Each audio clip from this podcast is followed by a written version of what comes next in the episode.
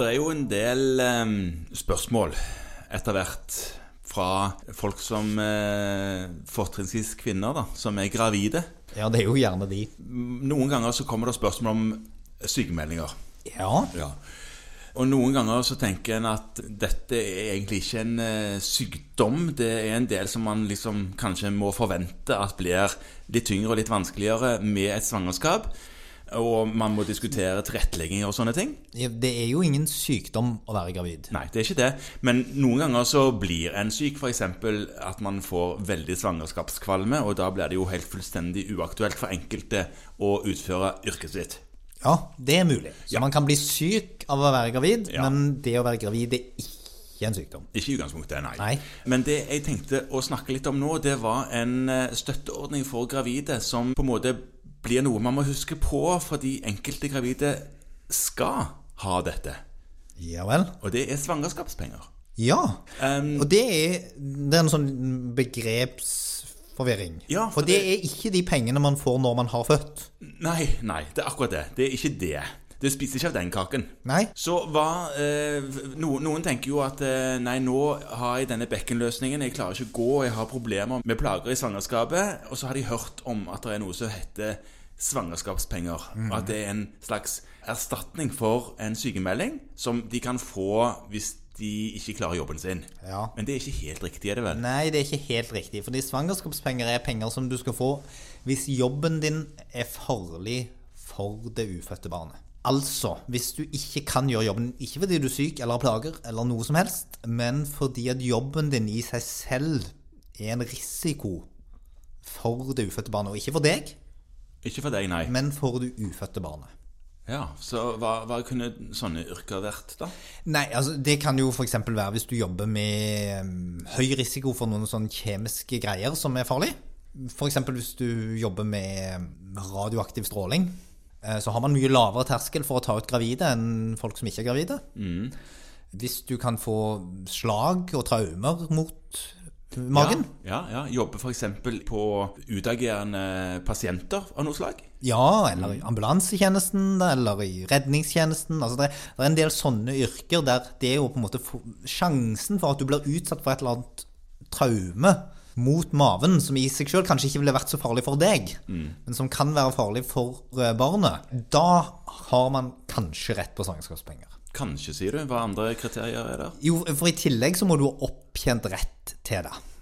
Å ja, det nytter ikke å komme rett fra Være nyansatt og så gå ut i eh, svangerskapspenger. Nei, du må ha tjent et halvt grunnbeløp. Det er 50 000 kroner nå. Ja. Det er ikke så mye, og så må du ha vært i arbeid i minst fire uker.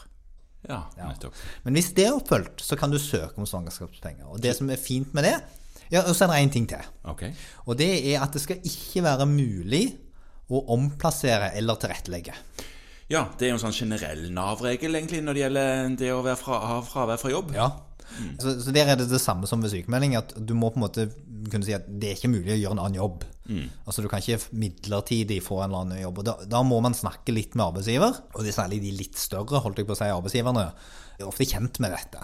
Ja. Så de kan si ganske fort at da skal du over i den typen jobb. Da skal du bare på innejobb eller et eller annet sånt. Det er jo en typisk eh, Disse kabinansatte de ble jo typisk satt på bakken når de kommer et stykke ut i graviditeten.